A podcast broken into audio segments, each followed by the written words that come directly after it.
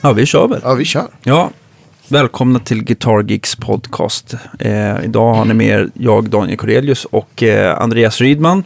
Och idag har vi äntligen fått till våran drömgäst, nämligen en eh, kanske Sveriges förnämaste gitarrist tycker jag. Fredrik Åkesson, välkommen till oss. Ja, tackar, det var stora ord. Ja. Ja, men jag tycker det. Eh, det. eh. Så är det bara. Nu vart jag sådär generad. Det är ingen som Nej, ser det. Nej. Ja, just det, precis. Precis. Det var- Kul att vara här, Ja, tack. Jättekul att du är här. Och för folk som inte eh, känner till dig så får man väl säga att du är väl en av dem eh, tillsammans med, eh, jag tänkte på, det finns ju flera stora svenska gitarrister givetvis, men av de framgångsrika så kan man väl räkna in Yngve, John Norum eh, och dig till exempel som har spelat eh, av de här supergitarristerna verkligen från Sverige. Så att jag skulle Ja, det håller jag med om. ja, kvala in dig där. Det kanske är svårt att kommentera Ja, för jo mig. faktiskt. Det, det, det, man har ju typ vuxit upp med, med de Ja. där gamla gitarrhjältarna. Så att, eh, Mm. Jag Ja. har inte gjort lika många soloplattor, jag ligger långt, långt efter. ja, men det, kom, det, det ska Ja. du väl ändra på va? Precis, man får, ju- det finns tid kvar kanske. Får Ja. hoppas. Definitivt. Jag kommer ihåg, eh, första gången jag träffade dig, då var du 23 och jag var 16. Och jag skulle ta, börja ta gitarrlektioner i alla fall, kommer jag ihåg. Jag, jag, vi hade en gemensam bekant, nämligen Marcus Kask. Ja, en, en eh, väldigt trevlig man och trumslagare. Mm.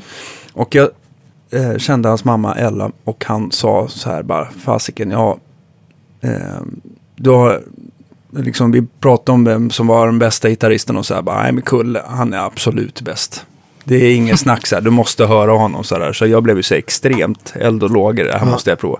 Och, och jag var helt eh, tagen första gången jag hörde dig spela. Du var ju liksom världsklass redan då. Och jag har för mig att du hade börjat spela med Talisman då va? Ja, det hade jag gjort ett tag då. Jag tror Okej. att eh, det var i samband med den här tredje skivan, eller andra skivan jag spelade på. Mm. Humanimal heter den. Okej, okej. Just det. Det minns jag, precis. Så jag spelade med dem ett tag då. Ja, Jag började med dem när jag var 19 år. Ja det är jag- ju ganska tidigt. Ja. Ja. så det var ju en stor grej då. De var ju ganska poppis då. Det var kul att få spela med Marcel Jacob som Ja, tyvärr har gått bort nu. Ja, just det. Ehm, så att han var ju lite som en mentor åt mig kan man säga på den Mm. tiden. Mm. Liksom, han, han var ju duktig kompgitarrist. Han har ju såklart spelat med Yngwie Malmsteen i Rising Force och Ja. de där grejerna. Och John Norum även med hans solo, En första soloskiva. En bestämd eh, kille.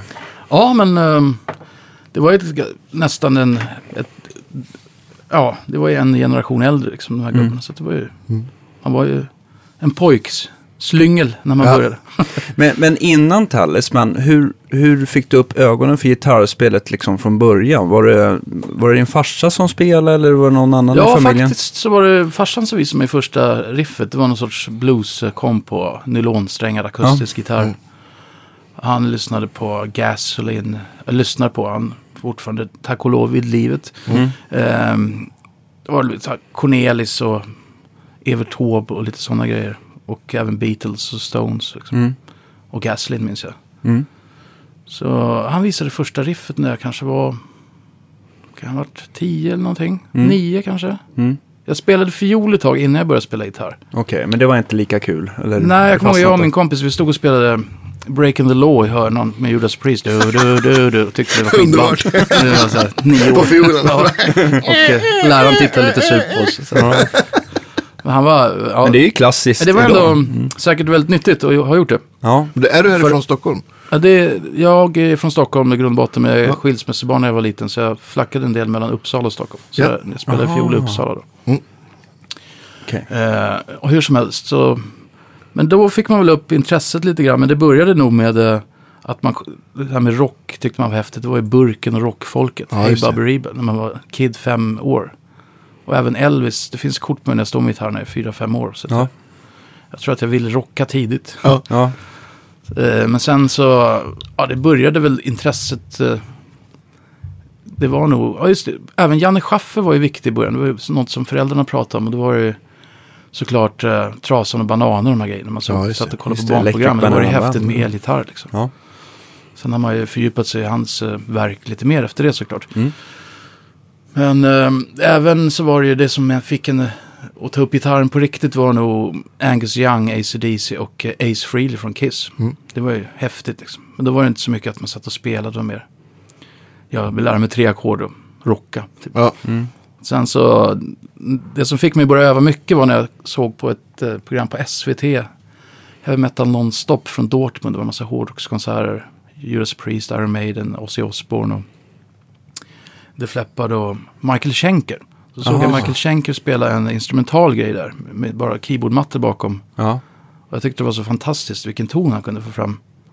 Det, då gick det upp som ett ljus för mig att wow, kan man verkligen göra så här med gitarr? Hur gammal var du då sa du? Eh, runt Svårt att säga men... 13, 14? Ja, det var nog före det. Nej, okej. 12, Ja. 12 13, jo men 12, 13, 14 Mm. någonstans där. Det Så känns, då som började jag träna mycket mer. det känns som de flesta verkligen får det starka intresset just att öva mycket där någonstans runt högstadietiden. Ja men det, någonstans. det började där 14 år Mm, och 15 då, då var det ju typ så här 7-8 timmar. Och då kom ju också naturligtvis Yngves första soloplatta. Just det. Ja, Mm. måste ju vara en bomb. Och det var en bomb då, verkligen. Det, var, det, bara, det var en kioskvältare liksom. Mm. Och den är ju fortfarande fantastisk. Ja. Och det, det påverkade ju alla, jag växte upp i Upplands Väsby och det var ju väldigt stort gitarrintresse då på den tiden. Ja. Det var ju jättemånga som konkurrerade mot varandra och spelade. Eh, så det var lite sån competition där. Vilket var jäkligt triggande såklart. Ja, jag tänker det. Men, det, Men då det läste man ju att Yngve övade i åtta timmar om dagen. Så då måste man ju öva typ nio om man någonsin ska ha i vilket fall en sportmässa och bli lite bättre. Men det, det är typ omöjligt. men det jag Men märker... det var, det var det mottot då i vilket fall. Det- jag märker skillnaden så här, eftersom jag inte liksom har haft, man har kunnat övat så här jättemycket i perioder och sånt där. Men du har ju verkligen liksom så här, kunnat hålla den nivån jättelänge. Är, man, jag börjar tänka på Peter Forsberg när jag ser dig spela gitarr ibland. Det får det här, den här vinnarskallen som inte alla har liksom. Kan du känna igen dig i det jag säger eller just att man liksom så här, man har sån jävla disciplin att Ja, alltså man är inte helt, liksom, helt eh, konsekvent heller. Det finns Nej. ju dagar där man inte tar måste upp dricka öl också. Ja, det, Ja. det ingår ju i jobbet som vi brukar säga. men, eh, nej, men absolut, det finns ju en drivkraft som man... Jag vill fortfarande ha den där mentaliteten som man hade när man var 16. Att, och med gitarrspel kan man ju alltid lära sig något nytt. Det är oändligt. Ja, det är det det finns ju så så många stilar. Och, när man var yngre så var man ju mer insnöad på teknik och sånt. Nu kanske man är mer insnöad på typ jazz och sådana grejer. Även Ja. fast jag spelar mycket i hårdrockssammanhang så är jag, tycker jag intressant country. Och, Mm. Liksom att bredda sig lite grann. Mm. Men även försöka hålla uppe. Eh, man måste ju repetera för att upp, uppehålla sina chops. Och sen är det ju. Eh, man måste ju hålla igång händerna. Det är inget kul om man inte spelar på en vecka. Ska gå upp och ställa sig på scenen så tar emot. Då kan man ju dessutom få skador. Så det, det är viktigt att underhålla Ja, tycker jag. Har du något sätt för att också inte liksom överanstränga dina muskler? Lyssnar du mycket på din kropp? För att om man spelar så mycket kan man tänka sig att man kanske... Ja, det händer. Det har hänt att jag har överansträngt mig live. Så, så att lillfinger bara låser sig. Så jag får bryta upp det på vänsterhanden då. Som är på greppbrädan. Jag får bryta upp det själv. Det är att det väl- liksom krampar ihop. Ja. Ja. Jag, jag såg en kille, han är, det finns ett bra YouTube-fenomen från England som vi precis Ja, talade om just det. faktiskt. Rick Graham, han, Precis. han visar massa sådana high-tech licks, hybrid picken och bla bla bla. Det kan jag rekommendera. Mm. Eh, men han hade bra inslag om det där med tension, att man inte behöver trycka så hårt med vänsterhanden som man ibland tror. Mm. Man, kan, man får ju mer attack med högerhanden. Så det är en grej jag började tänka på häromdagen faktiskt. Så man liksom sparar lite på staminan i, i vänsterhanden. Ja, man precis. spelar ju mycket legato. Trycker man hårdare och hårdare, det är klart, efter ett tag blir handen trött. Liksom. Ja, precis. Mjölksyran kommer på något sätt. Men eh, för att komma tillbaka till din fråga så gillar jag ju att... Jag föredrar innan en konsert och, och sitta med gitarren ganska länge. Okej. Och börja spela väldigt sakta. Mm. Ackordsföljder eller och spela liksom skalor eller... Jag har två sådana gamla Paganini-stycken som jag lärde mig när jag var mindre. De tycker jag är suveräna uppvärmningsövningar. Ja, just det. Eh, med sån här altered picking. Men spela dem sakta och få till dem. Då blir det ändå något melodiskt att lyssna på än att sitta och lyssna på skalor upp och ner. Det är ganska Mm. tråkigt efter ett tag. Ja, just det. Har du, är den, är det, har du gjort arrangemangen själv eller är det något som du har hittat liksom? Ja, det är jag, när jag växte upp så en gitarrkompis med mig som heter René Lintonen. Vi satt och höll på med de här Paganini-styckena och, Ja. och tävlade. Det var en rätt rolig story om det faktiskt. Vi, vi jobbade på en fabrik i Kista som byggde kyldörrar till mjölkkylar och sånt. Mm. Och vi, vi var väl 16 år och, och vi spelade jättemycket gitarr liksom, och tävlade mot varandra. Som bara den. Ja. Och då hade vi suttit över lunchrasten och gick ner då i företagets relaxavdelning. Där det fanns en pool och två bastur. Så satt vi där med våra skitiga arbetaroveraller i varsin bastu. Och satt och spelade och ingen fick titta på vad den andra tränade på för det var hemligt. Liksom. Underbart. Och så kom ju naturligtvis chefen ner med ett helt... Eh, en hel ensemble av gäster från Amerika som skulle kolla på den här avdelningen och se oss sitta där och spela. Och tittar upp då, de öppnar. Vi fick ju gå på dagen. Var så det var då. Underbart. Men du och, och René, eller Renne tror jag han hade. Han kallas för Renne, ja. ja. precis. Ja, ni, eh, ni har väl liksom följts åt eh, hela tiden och sådär. Jag vet inte riktigt vad som, eh, hur det gick för han senare så här. Jag bara träffade någon enstaka tillfällen. Han spelar på fortfarande, vet du. Ja, Absolut. Nice. Hur mycket är du och flyger? Du bor ju inte kvar i Väsby. Nej, jag är sällan där nu för tiden. Ja. Jag bor i, i Hägersten nu med. Okej. Sen eh, tio år tillbaks. Ja. Gitarristgettot. Gitarristgettot, ja. ja, det jag är nära, nära att gå ner till Guitar Gigs. Eh, Ja, precis. Ja, men du är- Olsson. Så att, ja. eh, Jag trivs bra där. Så att jag är sällan i Väsby nu. Jag har inte, varit- inte varit i Väsby på ja, nio, tio år. Okej, okej. Men eh, vi hörs på telefon ibland med gamla Väsby-polare och sådär. Ja, det låter bra. Det låter bra. Eh, vad tänkte jag på? Hur, hur utvecklades det sen eh, i, första banden och sådär? Drog, drog ni ihop någonting vid skoltiden där? Ja, jag hade ett band ganska tidigt när vi gick i sjätte klass minns jag. Vi, gjorde en, vi hade en och en halv låt egna. Så körde vi konsert för alla i en skola där. Mm. Då var det viktigt med show, heavy metal. Ja. Så vi, vi fick en pappa åka in till musikbörsen då på 80-talet och köpa två magnesiumblixtar och en, eh, en bomb av något slag. Är som vi brände loss i skolmatsalen där. Ja. Och körde en och en halv låt. Ja. Den halvan var instrumental. Vad hade du för git- gitarrer då? Då hade jag en, eh, en Bernie Les Paul-kopia. Sunburst. Just det. Som var jättebra. Nej, Ibanez Les Paul-kopia var det. Mm. Bernie hade jag senare. Som jag tyvärr sålde. Det hade varit kul att ha haft kvar de där gamla gitarrerna. Mm. De, här första. Den var ju svinbra. De gjorde ju väldigt bra Ibanez där. De är Ja, ju dessutom värdefulla idag. Så det var ju dumt att man sålde den för vad det nu var. Det Oj, kanske är det de som kallas tänka- för låsut-gitarrer. Ja, alltså Greco. lås ut. Ja, det kan vara det. Ibanez har jag haft lite olika, men framförallt de här som är rena kopior med riktigt Les Paul-skalle och Ja, så. Mm, de blev väl lite, hade lite stämningsproblem där. Men, Sen hade vi också en annan tidig konsert där i början eh, på trummisen, Christers eh, föräldrars vind. Hans Mm. villa de bodde. Skulle vi spela för kidsen på gatan. Och det var en, eh, vad heter det, sån loftvind med ja, snävt tak. Och det var ju träbalkar där och då skulle vi också ha fyrverkerier tyckte vi. Och det var heltäckningsmatta så vi tejpade fast sådana här silverfontäner man köper. Nyårsfyrverkeri på balkarna. Och Yeah. körde. Och Åh shit alltså. Det var inte Inomhus. bra. Nej. Jag minns att hans storebror hade gammalt blått metallic V som han hade byggt själv där. Och som det kom gnister på. Det, ja, det, vart mycket liv av det där. Det var, det var väldigt dumt gjort. Det hade kunnat börja brinna hela kåken faktiskt. Ja, verkligen. The show must go on. Eller? Men kör, ni körde iväg raketerna alltså? Ja, vi körde. Åh shit alltså. Fantastiskt. är det lika... och sen har det nog inte varit så mycket pyroteknik efter det i min karriär. Nej, Färdigpyrat. du blev mätt ganska tidigt helt enkelt. Ja, ja. Jag skulle inte ha någonting emot att ha massa eldar och sånt. Det är häftigt. Men Ja. Men, eh, under eh, högstadie och gymnasietiden där, var det liksom då fortsatte du och tog du liksom gitarrlektioner då eller har du varit självlärd i alla år eller hur? jag tog lektioner, största del kanske man kan säga självlärd. Men jag tog lektioner av en kille som heter Jörgen Undhagen som var väldigt duktig. Eh, Som bodde inne på Södermalm i tidig ålder när jag var runt 16 där någonting. Mm. Eh, så Det var väldigt givande. Och sen även en eh, lärare i Upplands Väsby som heter Per. Mm. Som var eh, duktig, som hade lite mer... Eh, ja, det var ungefär så Ja, lektionsmässigt. precis. Men du har liksom eh, det mesta har du fått upptäcka själv för det var ju inte riktigt den här... Ja, man, man satt ju och tog ut låtar och man köpte sådana här tablaturböcker.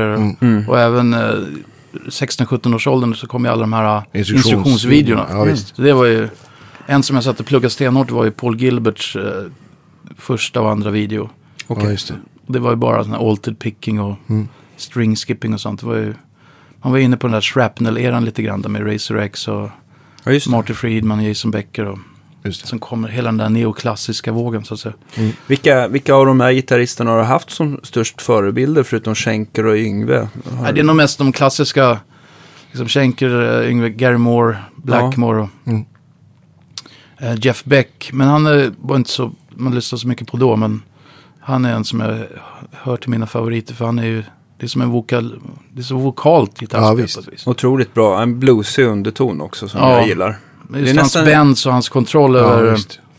Pitchen är ju Precis. fantastisk. Men det känns som gemens... Intoneringen i hans spel. Mm. Det känns som att du har en gemensam nämnare där. För att man gillar ju gitarrister som har en ganska blå underton. Att de är ganska bluesiga någonstans i Mm. grunden. För både Yngve, Gary Moore och alla de där, de är ju Ja, är jättebra på att spela Och även när jag växte upp så var det ju, i och med att man växte upp i Väsby, det kom Ja. ju mycket hårdrocksband därifrån. Och Europe såklart med John Ja. Norum var ju, och även eh, Universe fanns ett band med Micke Ja, Kling. Och alla gitarrister där hade ju väldigt bra ton och de hade ju bluesen i grunden. För Ja, de kom ju från Schenker, Gary Moore-skolan lite grann kan man väl säga. Mm.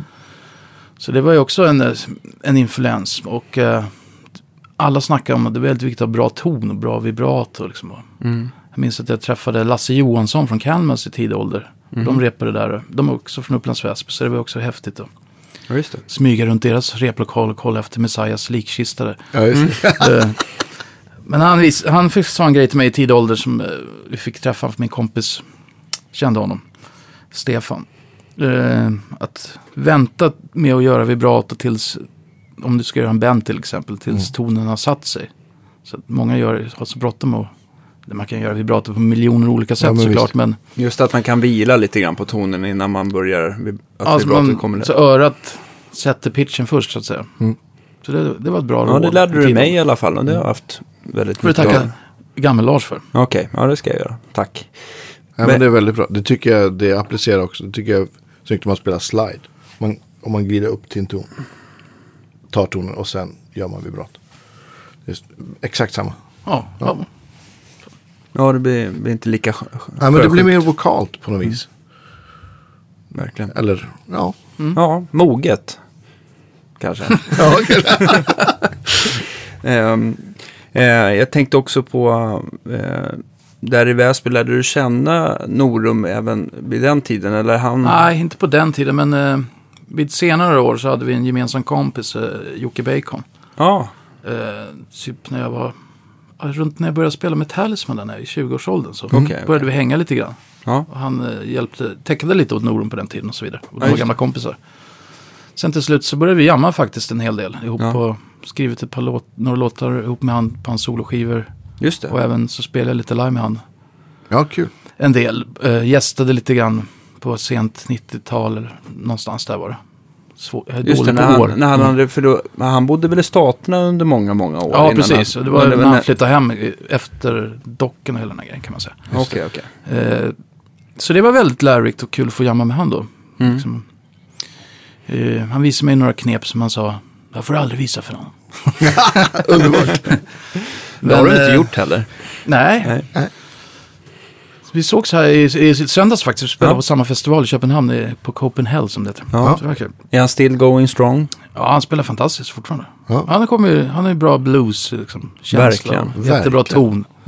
Och det tycker jag är kanske det viktigaste. Ja, de har väl hur mycket som helst att göra med Europe nu för tiden. Jag minns ett gig vi gjorde som var väldigt läskigt. Vi skulle spela förband till, när jag spelade lite med Norum, då skulle jag spela en hel konsert med en förband till Slash Snake Pit på klubben Fryshuset. Ja. Men sångaren Leif Sundin hade, var dubbelbokad, så han försvann. Så att då var det så här, men då får du sjunga. Jag, bara, jag är ingen sångare. Det var ganska höga grejer och så här. Ja, just det. Ras, raspig rockröst och så där. Och Leif Sundin är en väldigt bra sångare. Det Ja, han är ju- fantastisk. Stora skor Norum är en väldigt bra sångare. Han sjöng en, en hel del. Men så var jag tvungen att fick på dagen då lära mig att sjunga massa låtar och spela samtidigt. Vilket jag tycker är jättesvårt. Ja, det är svårt. det, det är, det, jag beundrar de som klarar det. Som Som kan är koppla isär järn, järnhalvorna på något sätt. Som är min, min eh, vapendragare i Opet, eh, chef, kompanjon, Ja. Mikael Åkerfeldt, han är ju väldigt vass på det där. Och spela, sp- dela på hjärnan, spela en Ja. sorts rytmik på kompgitarren och sjunga någonting annat. Det, det är svåra grejer tycker jag. Det är jättesvårt. Men det var en riktig rysare för att gå tillbaka till, Ja. till storyn där och göra Så det. du, fick, du blev sångare helt plötsligt? Ja, Ja. Hur gick det då? Ja, det gick okej tror jag. Jag, har inte, jag har inte lyssnat på det, men uh, vi lyckades höfta till det på något vis. John var nöjd i alla fall. Jag tror det. Ja, Ja. Ja. Jag fick ingen själv i alla fall. Ja det är bra. Det är bra.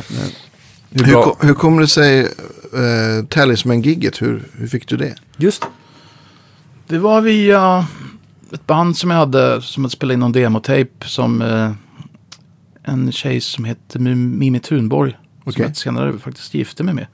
Eh, många år senare. Ja. Inte längre. Nej. Men hon eh, var kompis till Christer Wedin som var manager eller skivbolagsdirektör för bolaget som Talisman var på vid den Mm. tiden. Och gav den till honom och så gav han den till Marcel Jacob och sen fick jag ett samtal om Odisha. Så var det väl en fyra, fem olika snubbar som audishade där. Bland annat, bland annat min gamla gitarrlärare Jörgen som jag nämnde tidigare. Okej. Och så fick jag giget. Ja. Så det var ju, det var ju kul då. Ja. Det var ju stort då. Var det Ja. Kristoffer Stora som spelade innan dig då? Ja, eller? precis. Ja. Han spelade på den första skivan så kom jag med på den andra. Okej, okej. Som hette Genesis. Just det. Hur länge varade Talisman-gigget där? Ja, det gjorde väl en... Ja. Sex skivor kan man säga, inklusive en live från Japan. Sen så gick vi skilda vägar. Jag ville spela lite tyngre musik. Jag tyckte de gick in för mycket på... Jag ville spela hårdrock, hård hårdrock, metal liksom. Mindre det som var roligt med Talisman var att det var mycket solon och mycket sån här, han var lite impad av Billy Sheehan och det var lite sån här Mr. Big eh, duell med tapping bas och gitarr och lite sån där mm. Lattjo Lajban-prylar. Ja. Men det är ganska snäll hårdrock får man väl Ja, säga. det är absolut. Ja. Så jag ville spela mer heavy. Ja. Men det var ju väldigt lärorikt ändå för att gjort det. Så vi gick skilda vägar där. Jag tror, och så kom Pontus Nordgren med ett ja, just det. Just det. Men sen kom jag faktiskt tillbaka med till bandet eh, tidigt 2000-tal och gjorde en platta och sen så den sista som heter Seven la jag bara solen på. Okej. På, en, på åtta timmar bara gick in och improviserade. Det var hemma hos Marcel Jacob. Det var Ja, sista gången jag såg honom tyvärr. Ja. Så det är lite speciellt när man lyssnar på den där zonen. Jag är väldigt nöjd med dem faktiskt. Men eh, då gjorde jag ett eget band eh, emellan när jag hoppade av där. Och så spelade jag även med ett doom metal band som heter Krux med Leif Edling Just det. från Candlemass då. Fin, fin, finns Krux fortfarande? Nej, vi gjorde tre plattor. Det var ju Mats Levén var ju sångare i Krux. Men Okej. nu är ju han sångare i Candlemass. Så det blir ju lite... Det skulle bli Ah. lite kaka på kaka kanske. Ja, det här var ju lite mer psykedelisk doom med keyboards och mellotroner och grejer. Just det. Men eh, det var mer smutsigt eh, kan man säga. Smutsig ljudbild. Mm. Ganska Men- skitigt så här, spel och inte så välpolerat. Om man säger så. Var inte Mats också sångare i ditt eget band? Egna Jo. band som du drog ihop? 97-98 gjorde jag en skiva som heter Southpaw som Mats Levén sjöng på och uh, Rickard Evensand spelade trummor, väldigt Mm. duktig trummis så vi spelade väldigt mycket ihop. Och så Som var det ser- Ma- Mats Levén på bas? John Levén på bas. förlåt. Ja. De är inte ja. bröder. De är inte bröder. Eh, från Europe, ja precis. Så det var lite mer experiment. Men det var en speciell tid där i mitten på 90-talet när grungen kom. Den finns på Spotify faktiskt. Ja. Den heter bara Southpaw. Ja. Men den var lite splittrad skiva, men det var ändå ganska mycket hårdare än eh, som jag för Metallsman. och Så. Ja, inte lika många solon vill jag minnas heller. Nej, det det är en del shred på det, men det var lite opopulärt med solos då. Så, Just det, tidigt Det- 90-tal när grungen kom där så. ja, Typ. Mats Levén hade precis gjort sin skiva med Yngwie Malmsteen då, Facing the Animal. Ja, ah, just det. Så att han var lite trött på att sjunga som Tarzan som han uttryckte det minns jag. Så han, han var lite mer åt Mike Patton, Fate No More Ja. Experimenthållet på den här skivan. Okej, okej. Så det var, men den är ganska metal stundtals måste jag säga. Den Skrev är ni- ganska progressiv. Mycket meck och tricks och... Mm. Skrev ni låtarna tillsammans på den skivan eller hur? Ja, jag och Rickard eh, riffade in mycket, bara stod och nötte i lokalen dag ut och dag in. Ja. Och sen sk- Mats skrev ju, arrade in en hel del liksom, och skrev texter och sångmelodier. Så det gjorde vi tillsammans kan man säga. Men det blev bara en skiva med South på eller? Ja, precis. Eller det, det finns gick inte så bra. Vi, vi hade ett engelskt skivbolag och Ja. det var ingen reklam och det var den här tråkiga sagan. Men vi, vi fick faktiskt göra fyra gig i, i Sverige förband till Dio. Det var ju väldigt coolt att få gjort det i kväll. Ja, verkligen. Och fick hänga med Ron James Dio där. En, sitta och snacka med honom ett par timmar en gång. Han Yeah. drog gamla Rainbow Stories och grejer. Så det är ett kärt minne. Ja, det kan jag tänka mig. Alltså det, det som slår en oavsett liksom hur bra låtar man har eller, eller hur bra musiker det är i bandet så känns det som att det är så himla mycket mer som ska klaffa för att ett band ska liksom ha chans att slå igenom. Det är verkligen Ja, rätt bolag och resurser och det är mycket som så. och det är nog inte lättare idag med tanke Nej. på Nej, hur shit. industrin ser ut. Så att, eh, det behöver definitivt ett bra management för att lyckas, skulle jag vilja säga. Mm. Det är viktigt. Vad, vad, vad hände efter Crux där då? Där hoppade du i, var det då Ark, Ark Enemy? Ja, innan det, 2005 så fick, åkte jag och spelade lite med det svenska bandet Tiamat.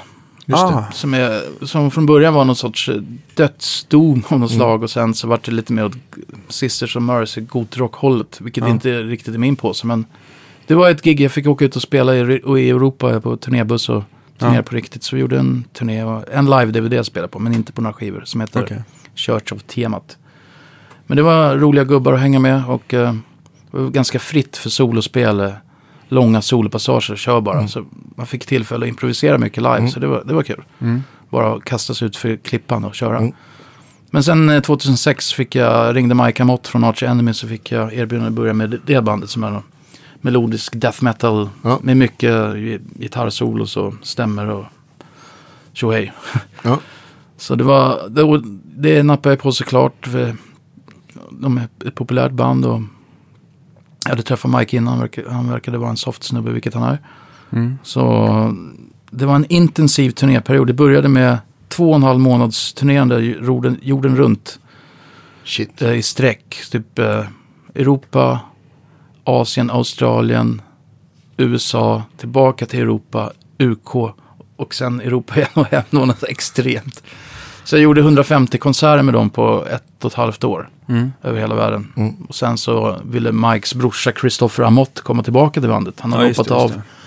då på grund av att han ville börja studera och göra någonting annat. Ja. Men sen ångrade han sig och då, ja, Han fick som tillbaka vi sa, sugen. blod är liksom. tjockare än vatten. Ja. Ja. Jag tackar för mig, men eh, det är lite som en Askungesaga. Två månader efter så ringde Mikael Åkerfeldt och undrade om jag ville börja spela i Opet då. Som jag har gjort eh, Ja. sedan 2007 nu. Just det. Ja. Ja, det är tio år i år då. Ja, precis. Det är lite över tio år nu.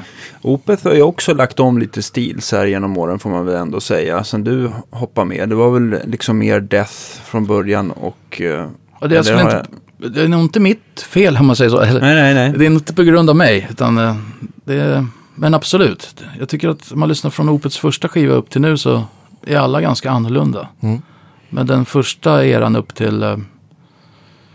Den första skivan jag spelar på heter Watershed. Och den, där finns ju fortfarande den här extrema dödsgrejerna kvar. liksom. Fast Mhm. det är mera... Kanske mer tekniskt än någonsin på den. Och eh, även så flörtar det lite med lite mer, ännu mer, mer 70-talsprog på vissa ställen. Och ganska Mm. mycket svensk folkmusikton på vissa låtar. Med Mhm. akustiskt spel och sånt. Men eh, det är just den här folkmusiktonen har nog funnits med i Opet lite grann än sen första skivan. Så det är en, jag tycker det är en viktig del av de många ingredienser som finns Ja. i bandets sound faktiskt.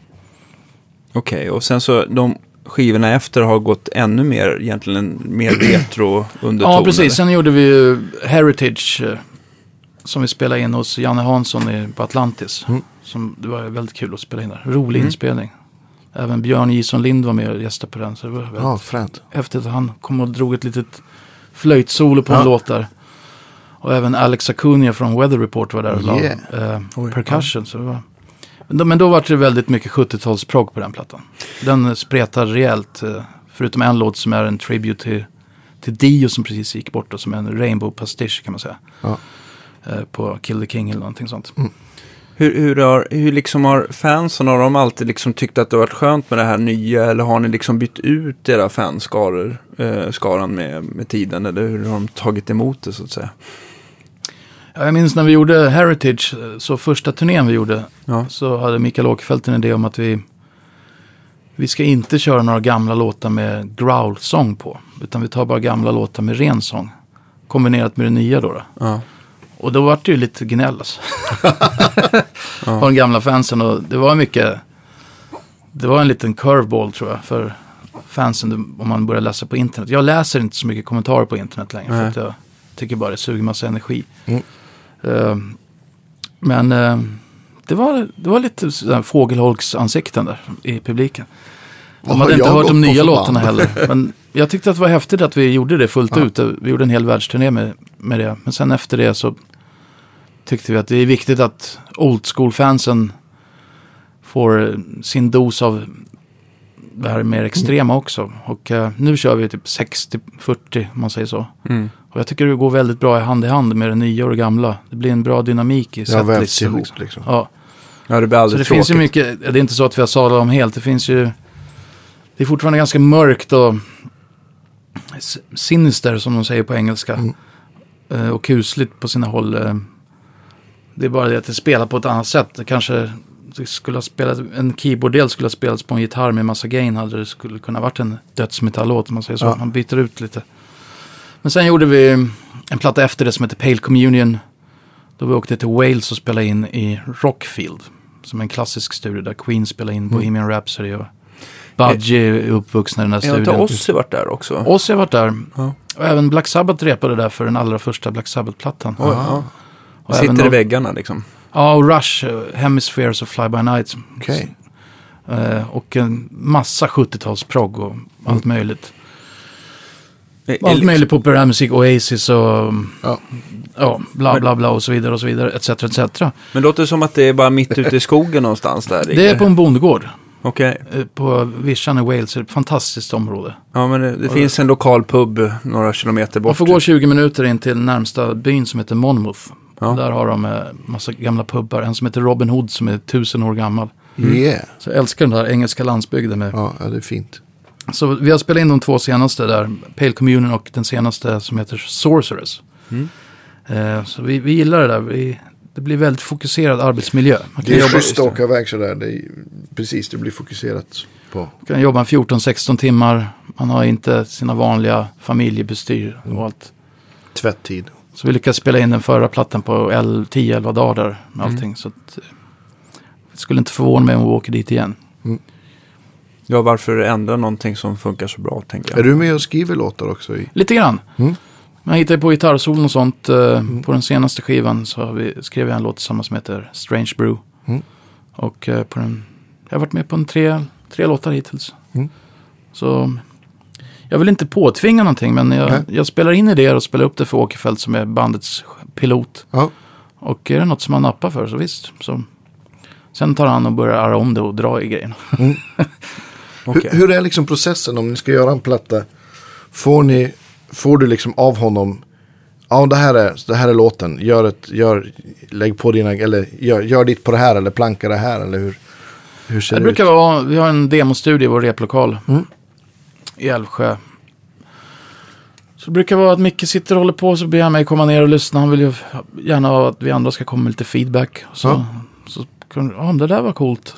Ofta så har han ju väldigt coola idéer och Mm. ganska unika prylar. Mm. Jag beundrar han för det. Han är ju väldigt disciplinerad låtskrivare när han sätter igång. Mm. Ehm, Så får man lägga, så undrar han kanske, kan du lägga ett sol här? Så improviserar man lite grann. Och Mm.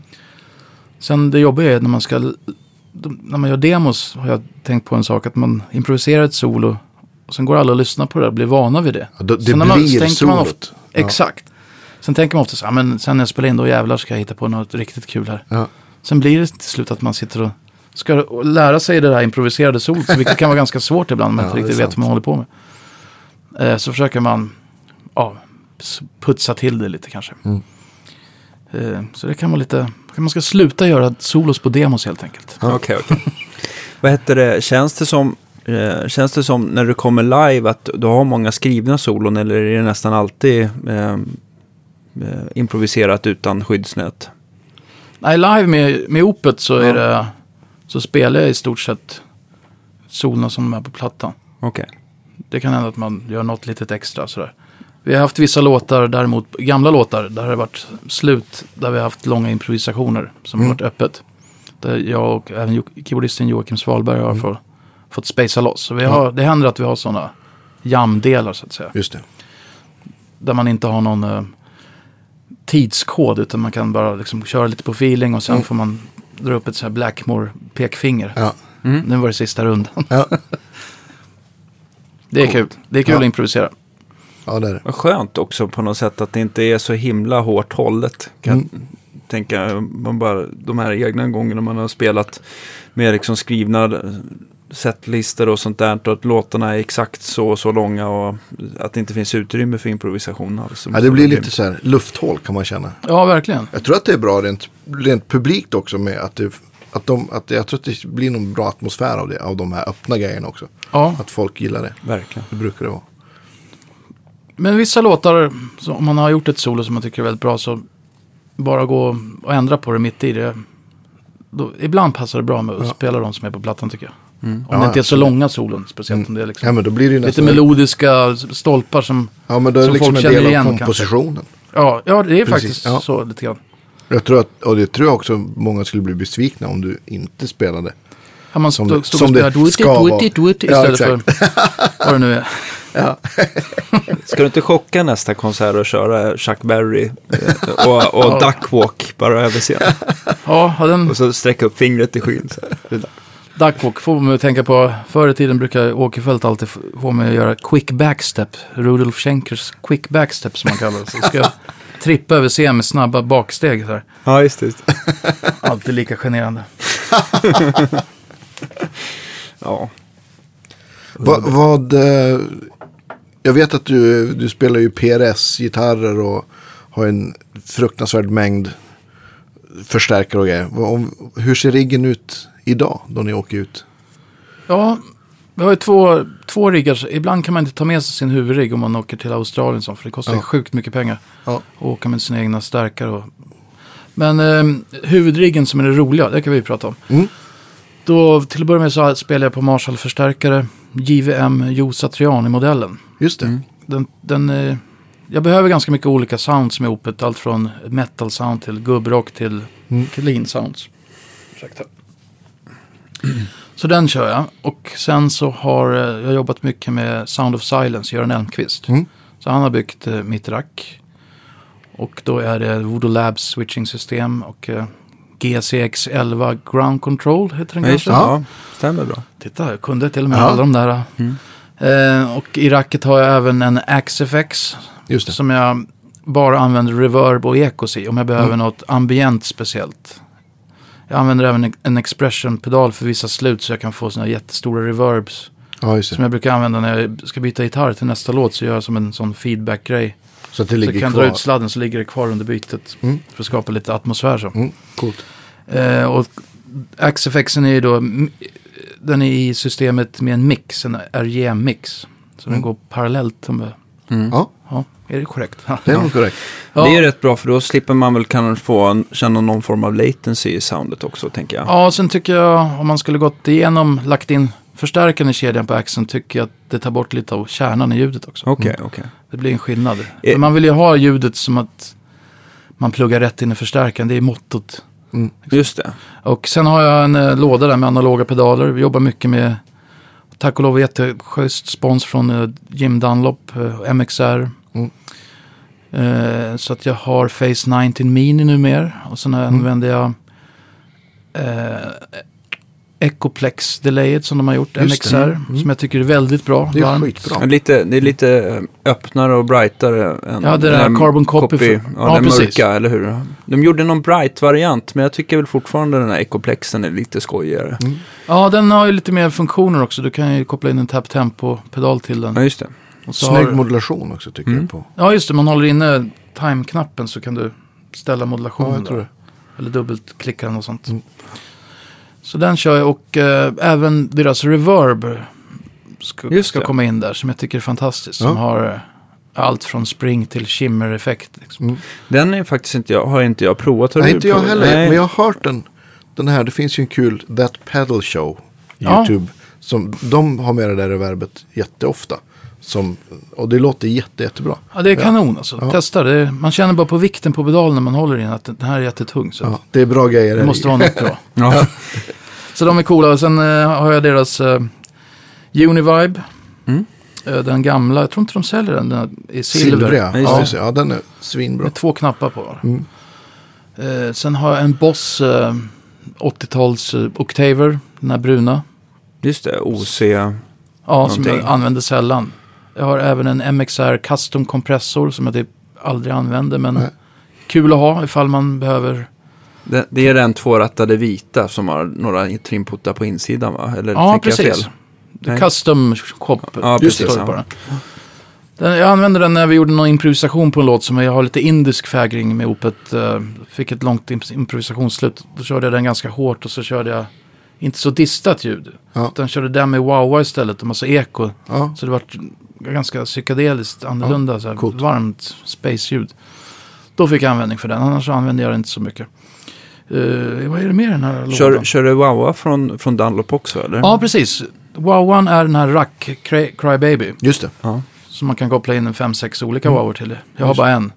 Men den är ju smart för då behöver man inte gå ut med audiosignalen ut till pedalbordet. Ja, just det. Just det. Som- Vilka, vilka, vilken modell har du fastnat för då? Av wabben sådär som du tycker låter bäst? Jag vet inte. Jag har väl bara dialat in på rattarna. Jaha, just, på det. på det racket så är det inte som olika modeller utan du sätter in frekvenser och så Ja, har du även en EQ. Den använder jag faktiskt inte. Men Nej. man kan boost, trimma boosten och Ja, vilka kan- olika frekvensområden den ska gå i och lite sådana grejer. det. mm. Eh, jag har bara rattat in något som jag tyckte lät okej på den. Men eh, idén med hela gitarrriggen är ju att inga audiokablar ska gå fram till pedalbordet. Mm. Allting ska vara där bak så man har så Just det. kort signalväg som möjligt. Mm. Så enda gången jag aktiverar, när jag aktiverar min volympedal där framme. Då går det ju 9 meters kabel fram och tillbaka. Så Just då, det. men då är det en buffer. MXR 403 buffrar. De, Den, de här fyrkantiga Ja, va? svarta, Ja. de är med i systemet på ett par tillfällen. Och just då när jag aktiverar volympedalen så, så kickar den in för att kompensera det. den här långa sladdlängden. Eh, Vad har du för volympedal?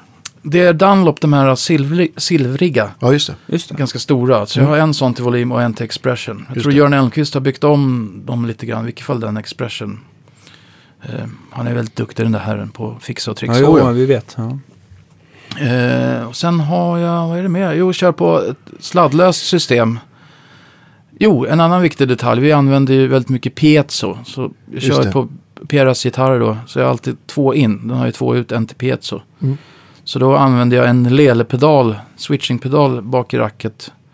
Och splittar, eller? Som går ut till en linebox. Och via den lineboxen så har jag nu börjat använda en pedal från TC Electronics som heter Body Rest. Just det. Just det. Den har vi provat. Mm. Med gott resultat får jag säga. Ja. Väldigt trevlig. Jag har precis nyligen börjat använda den, den här förra veckan faktiskt. Och vi gjorde ett seriöst AB-test med våran eh, front of house-gubbe. Ja. Utljudschefen Olle Sandqvist. Ja. Eh, så vi stod och eh, testade den av och på. Så bara satte, det är bara en ratt på den, satte Ja. på klockan 12. Mm. Och den bara tog bort de här sissliga frekvenserna som man inte gillar och skapade mer kropp som det står på pedalen. Ja, Faktiskt. den gör Ja. någonting bra med mellanregistret där så- Mm. och får bort lite av, av det här piezo-knäppet. Ja, det har varit mycket varmare och finare. Så att, eh, Komprimera en gnutta också, tror jag. Ja, så både jag och Micke börjar använda dem nu. Så de, hur som helst så går ju de ut fr- från eh, lelepedalen då in i lineboxen. Och sen har du en sån här um, midi-variant som går in i Marshallens through. Så jag kan gå från antingen ett distat ljud till ett bara akustiskt eller distat till akustiskt Ah, och smart. rent. Eller distat ljud till distat och akustiskt som jag använder ibland också. Ja. På vissa riff så kan det vara Just coolt det. att bara ser man vissa i publiken sitta och kolla. Vad fan är den där akustiska gitarristen? Ja. Så det är väldigt användbart. Det har varit en bra grej för oss eh, livemässigt, uppgradering med att vi har Ja. börjat använda piezos. Eh, För det är, även på gamla Opet-låtar är väldigt mycket akustiskt fingerspel. Mm. Och det går från hets, ja, tuffa riff till eh, in på sådana ganska snabba byten så att säga. Mm. Är det något mer i det där racket som är... Jag tänker Du var på, på trådlösa. Du måste ju ha två pack då på... Då har jag två pack, precis. Eh, Shure ULXD4 använder vi. Okej. Så jag hade Line 6 tidigare men uh, gjorde en AB-test med kabel fram och tillbaka med Göran nere i replokalen. Vi har ju, han har ju Sound of Silence är ju bredvid ja, ni är ju grannar vägg. där. Ja, precis. Så det är väldigt behändigt ibland man vill göra shootouts. Ja. Och gitarrnördar som vi Ja. gillar. Ja. oh ja. Eh, och då gjorde vi med sladd fram och tillbaka samma riff. Och eh, ja, jag tycker inte att man tappar mycket alls med de där. De behåller kärnan väldigt bra. Mm. Jag är väldigt nöjd med de sladdlösa. De är dyra men Ja. det var det värt. Just det. Och tuner, är det någonting du har framme på pedalbordet eller är, Ja. gör alltid din gitarrtekniker det jobbet så att säga? Nej, vi, vi, vi är lite nördiga sådär. Vi står alltid och kontrollstämmer ändå. Även fast vi får Ja.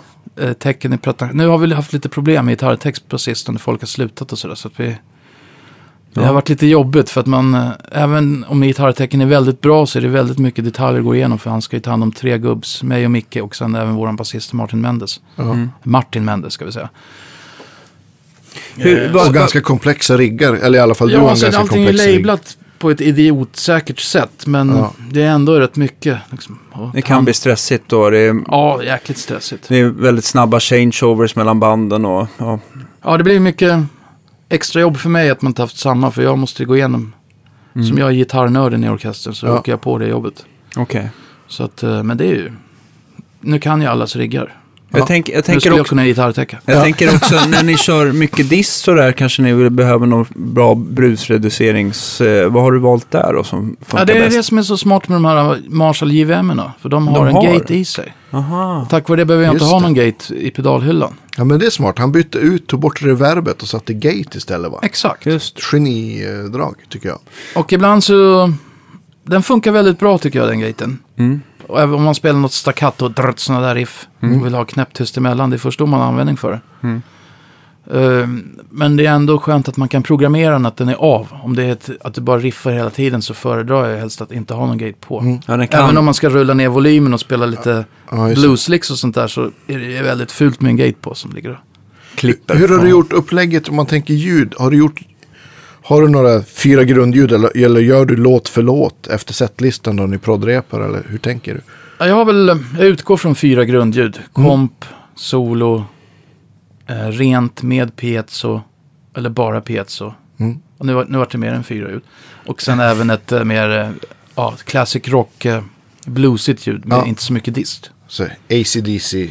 Ja, typ. och även mindre Ja. dist än det faktiskt. Eh, eh, på vissa solen vill man inte ha så här full gain Mm. grejs. Lite mera feeling sound eller vad man ska kalla det.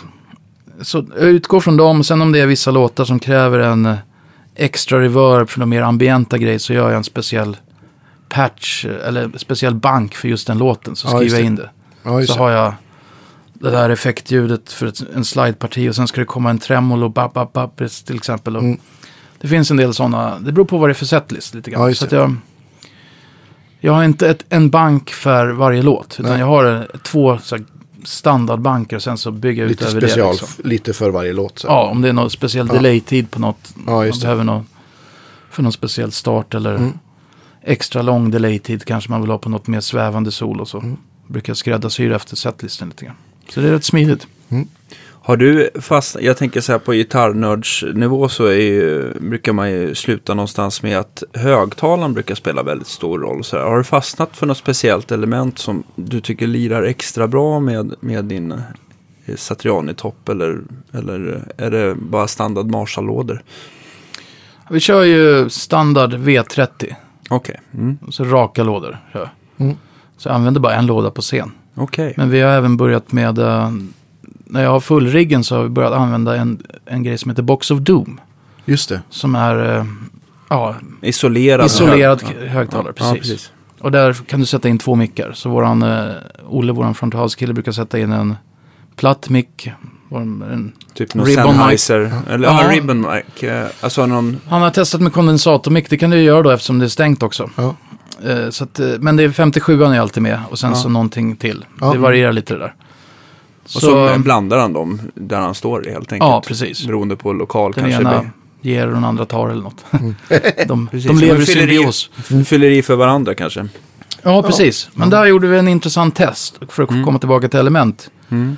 Eh, spelade i Heineken Music Hall och då kom han, Sylvester som gör de här, han är en holländare som bygger de här. Och då testade vi mellan olika element, så man kan ju bara dra ur element som kassetter i den här. Ah, vad fränt. Så det var väldigt intressant. Så jag testade inte alla, men vi testade V30 och sen testade vi Creamback. Och sen testade vi de här som Zack Wild kör på Med 100 Eh, wattarna va? V, vad heter de? EV. EV ja. EV, Ja. just det. Ja, Just han har ju, det. är ju hans signatur. Det är ju nästan eller? 200-300 eller 200-300 watt på dem. Ja, de stycken. eh, spelar ju väldigt högt. Man blir väldigt och rent. stark när man Ja. lyfter den. Ja, Ja. får börja köpa några sådana lådor. Behöver Ja. träna lite. Ja. Men eh, det var skitintressant. Så jag stod med trådlöst ute i P8, uppmickat och eh, AB-testade från uppmickade lådan. Han bytte i, i Det lådan också, där. och ja. även jämförde mellan den uppmickade back-to-back och Ja. eh, isolådan. Ah, för att höra skillnaden. Om, är det värt det här besväret? Ja, Och det var det verkligen. Du får ju inget läck från ut, uthåll plus att det, det vart mycket mer kärna i ljudet upplevde jag det som. Mm. Men då, då föll jag i vilket fall för det elementet som jag tyckte var bäst var creamback. Så i dem så kör jag creamback. Vi, element. vilken av dem? Är det den? 65, 75. Det finns även Alnico och neodym-element numera. Ja, oj så det finns mycket att hålla Nu har ni pratat bort mig. Det, vågar, det kan jag inte svara Nej, på. men det, den, som, den som är kanske mest klassisk är, är, ehm, är den 65 wattan va? Som kom först. Det kan vara så att det står 65 på den. Ja. Ja, men det, det Det är låter också bekant. Mm. stor favorit. Den, eh, den låter varmt och bra. Ja. Men eh, ibland kan jag ha inte möjlighet att ta med den. Då blir det V30. ja, just det. Sen hade jag även ett tag eh, det amerikanska märket Port City Cabs. Just Just. hade jag en liten deal med ett tag. Som kombinerar eh, olika element. Mm. Han har två Eminence någonting och två av någon annan sort. De låter typ, eh, väldigt bra. Som har någon sorts luftsluss under. Just det, det var de väl de som kombinerar Eminence och Warehouse Guitar Speaker, VGS va? Det kan det vara. Det kan vara i den Ja. som jag köpte. Jag har en kvar faktiskt. Jag, Ja, jag sålde faktiskt en till uh, Uffe Smith på Guitar Labs. Ah. Han var väldigt nöjd med den. en Ett tolva, väldigt snällt pris. Ja. Nej, nej 412. 412, okej. Så jag har kvar den. Så det är kul att ha. Jag skulle vilja IRa in den i något för att Ja. ha kvar den. Nu ska vi inte prata mer om IR. För det har ni gjort på den här showen tidigare har jag hört. Ja. Men- Då spårar vi ur. lite grann, lite grann. Det ska nog djupdykas mer. Nej, så den, eh, den är häftig. Ja. Den är väl designad så att luften inte ska flyga omkring som chaosartat i själva Precis. element, eh, kabinetten. Utan han har gjort några bitar som gör att luften fokuseras bättre. Och så är det ju som ett, ett hål där nere på något vis. Här. Ja, exakt. En luftsluss. Ja, en luftsluss. En basreflex kanske till och med. Ja, ja, precis. Ja, 212 när jag testade, den tycker jag är fantastiskt bra. Men ja. är det att man tycker att det blir mera lågbotten eller vad är det man vinner på det? Eller är det bara att man får bättre, för jag kan tänka mig, om du har ett element som inte, som har en luft som kanske komprimeras inuti lådan så känns det ju som att elementet kan inte slå lika fullt va? Ja, när han, han kom Men- till ett gig när vi spelade i USA. Och eh, hade med sig en pedal så vi kunde, jag kunde köra samma riff och trycka på pedal och växla mellan Marshall-lådan jag hade och den här. Ja. Och då upplevde jag att eh, soundet i den här var mycket tajtare. Mm. Fo- mer Okej. fokuserad lågbotten till exempel. Det tyckte jag med den. Jag, jag har ju bara testat 212 då, men den, tyck, den upplevdes som en, en större högtalarlåda. än- Det kändes mer som en 412 än en, än en 212. Just för att den var, ja men den kändes fastare. Ja. Det kan vara ganska smart också. Jag vet att du har väl det fortfarande, just den här kombinationen av olika element i en högtalare. precis. för det är väl samma sak där, att man tycker att de fyller i lite för varandra. Ja men va? exakt. ja, det tror jag är Ja. det optimala. Ja, det, jag gillar det jättemycket. Så mickar man med två mickar så sätter man en på varje. Exakt, Det, det är grymt. dit vill jag gå någon vacker dag. När Ja. solen skiner. Ja, Det beror ju på lite så Vill du ha här... kaffe? Ja, fan vad grymt. Ska jag hämta kaffe? Det var ja. att Stålmannens syn kunde se genom glaset. Superproffs. Det verkar roligt. Ja. Danne ska du ha. Eh, nej, det är bra. Jag, jag, har, jag har fyllt min ranson. Tackar, tackar. Det har inte jag. Nej. Men då har det ju aldrig hänt åt andra sidan. Nej. Det var kul. Ja, men den, den vill jag testa någon gång. Den 412 om du har den. Ja, jag har den kvar. Det kan vi styra upp. men Absolut. hur, vad stämmer ni? Är det mycket olika stämningar eller? Ja, med Opet, eh, vanligtvis så kör vi standard. Mm. Eh, en skiva som gjordes som heter Ghost Reveries är nästan alla låtar utom en, en öppen stämning som är D-A-D-F-A-E. Aha, oj. Inte den standard öppen D som hade varit D på toppen då. Ja, exakt. E. Som eh, rolig, det låter fint om man bara lägger fäng- hela fingret är över ett band. Ett, ett molnio. Så att där, där har vi en sån stämning. Sen är det några låtar som är D-dropp. Och sen på nya plattan har vi första låten, titelspåret Sorceress. Har, där fick Micke för sig att vi bara droppar låga E till A. Väldigt sladdrigt. Så det har dubbel A på botten. Okej, Vilket eh, låter väldigt neandertaliskt. Men det, det funkade på just den låten. ja, fränt. Annars är det största delen är det standardstämning. Hur många gitarrer måste du ha med dig eh, på konserterna? Jag klarar mig på fyra som det är nu. Mm. Okej.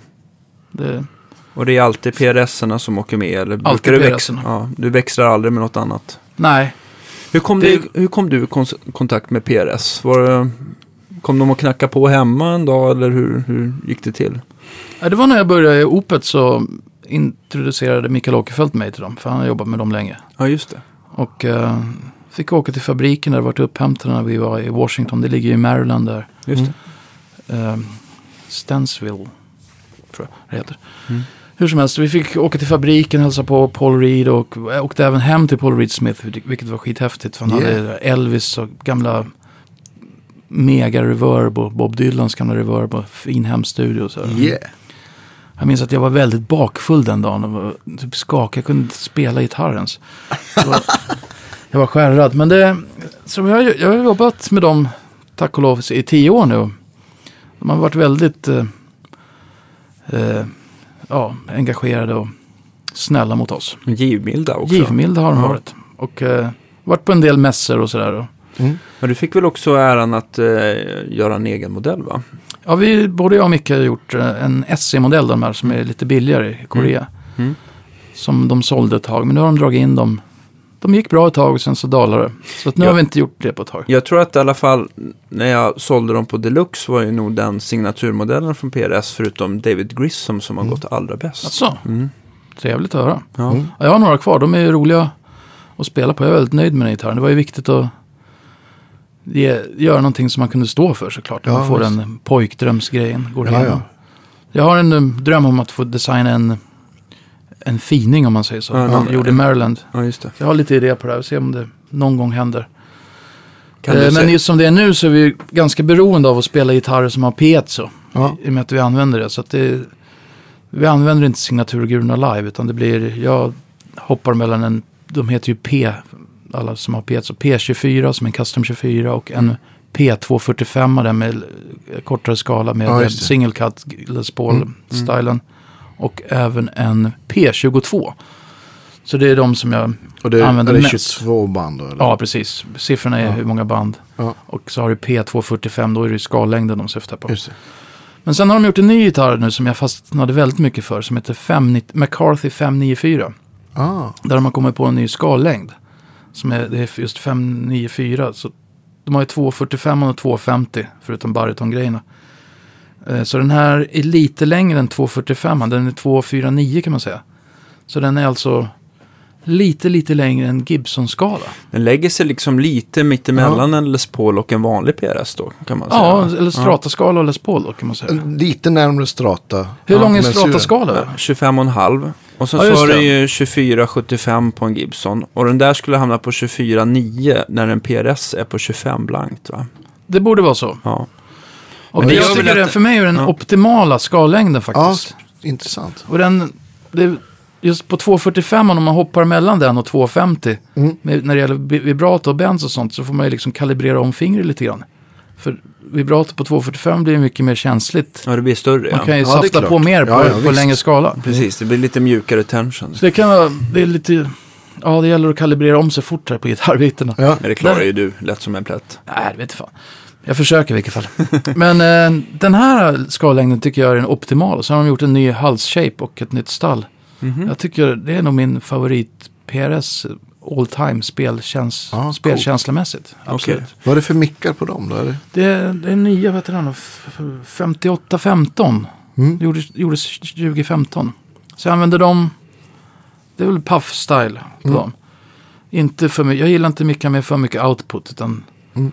eh, inte sådana invader som Nej. fanns på Ja, 80-talet. vi har ju, jag, jag kommer ihåg att vi har ju, jag har ju hjälpt dig att installera ett och annat. Och du har ju, vi har ju verkligen provat hela paletten. Allt från att när du hade, du hade väl någon form av keystone, alltså en Ivy Lawrence-spons ett tag.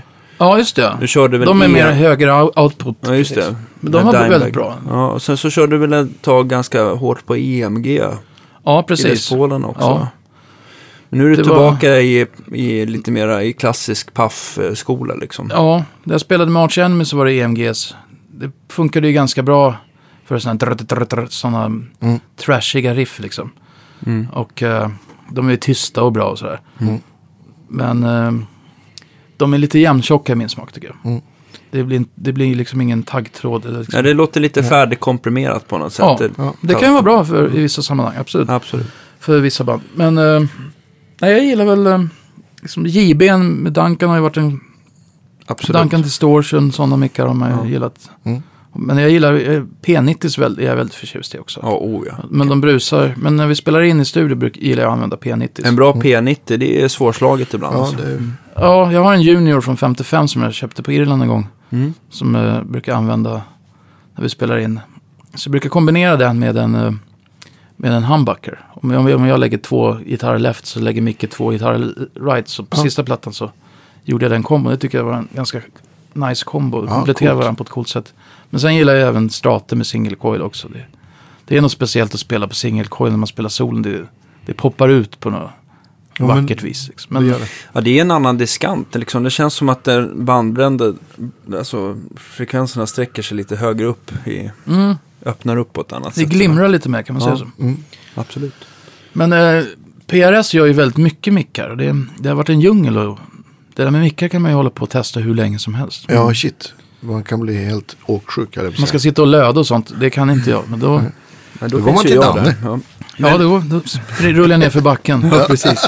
Eh, men, eh, så att, men det är också en annan mix som jag använder mycket för PRS som jag gillar. Som de har gjort på senare tid som heter Metal. Okej. Och den är, namnet talar inte riktigt klarspråk. Det låter, den den, låter som att den är väldigt underlindad och klen. den, inte den är inte alls så, så hot som man kan tro. Aha, Nej. okej. Okej. Den har väldigt bra tight botten. Mm. Så det, den funkar alldeles ypperligt till classic rock och vad som helst. Okej. Det är ingen metal metal mick om man säger så. Men den, den, den, har, den är tight i lågbotten Mm. liksom. Och, och har det mesta som jag gillar i vilket fall. Så den kan jag rekommendera. Ja, den ska vi Ja. prova. Intressant. Var... Inte, inte testat. Jag kommer ihåg när du eh, spelade med, med, med uh, Talisman, då hade du väl, eh, var det Burn eller Fernandes spons på den tiden? Kommer Ja, jag, det? första sponsorn jag fick var Fernandes. Ja. hade en, eh, en, de hade ju den här häftiga Fernandes Sustainer i också. Just det. Just det. Så jag fick göra en gitarr själv som jag designade. Den har jag kvar. Det är den enda jag har kvar faktiskt. Just Sålt det. rösten. Ehm, så med med Var det- men Floyd den- och det var strata kropp, strata hals, maple hals, Ja, Just det, men den, strata skalle och den- maple hals. och den var ju, den tror jag faktiskt ägde ett tag, fast jag sålde tillbaka den till dig för att du ville...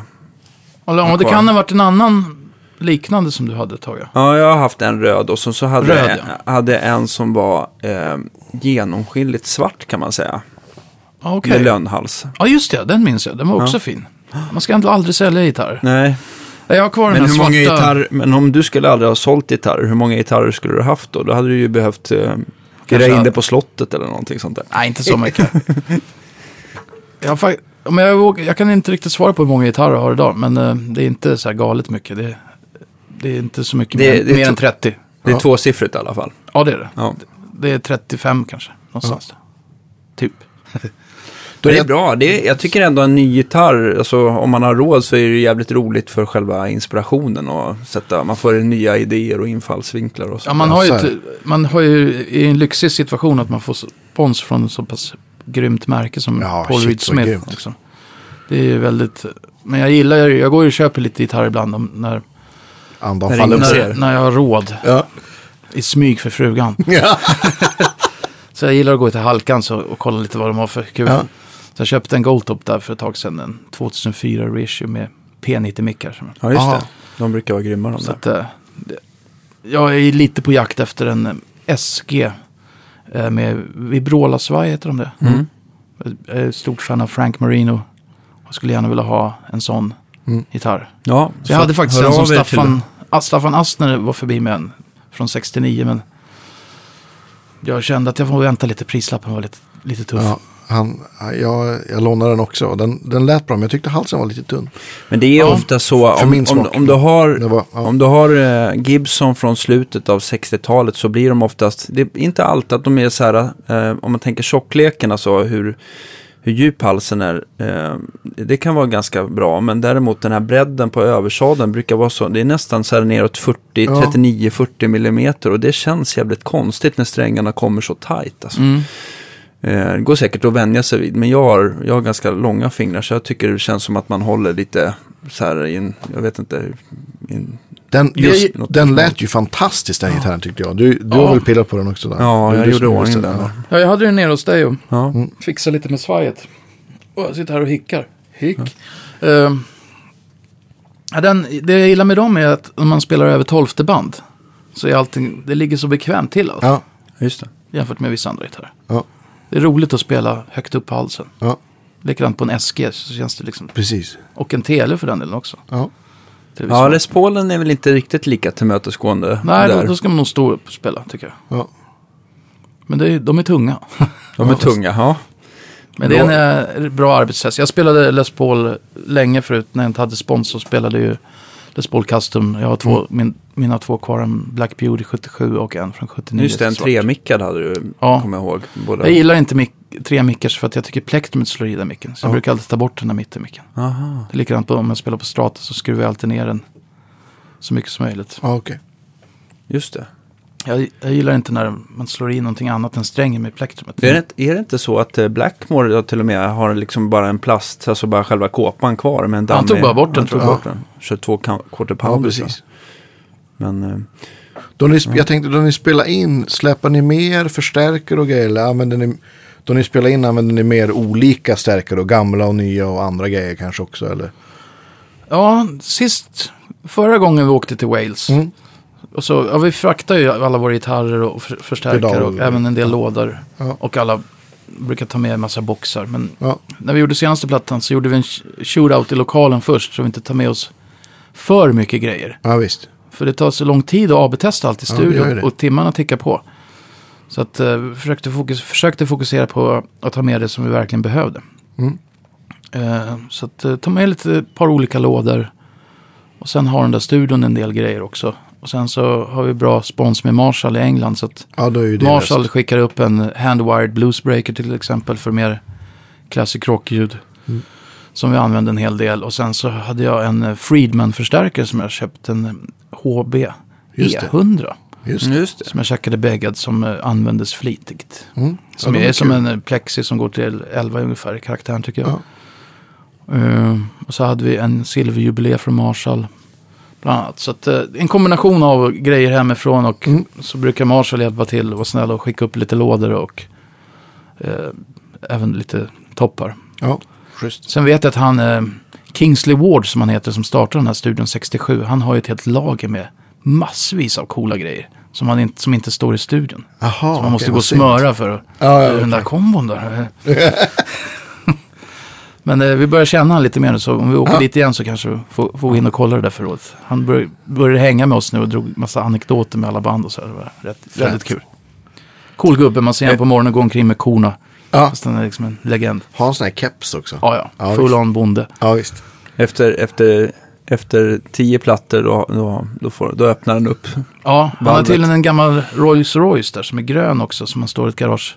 Som han och Roger Taylor från Queen brukar åka omkring med på 70-talet. Och tuta på tjejer.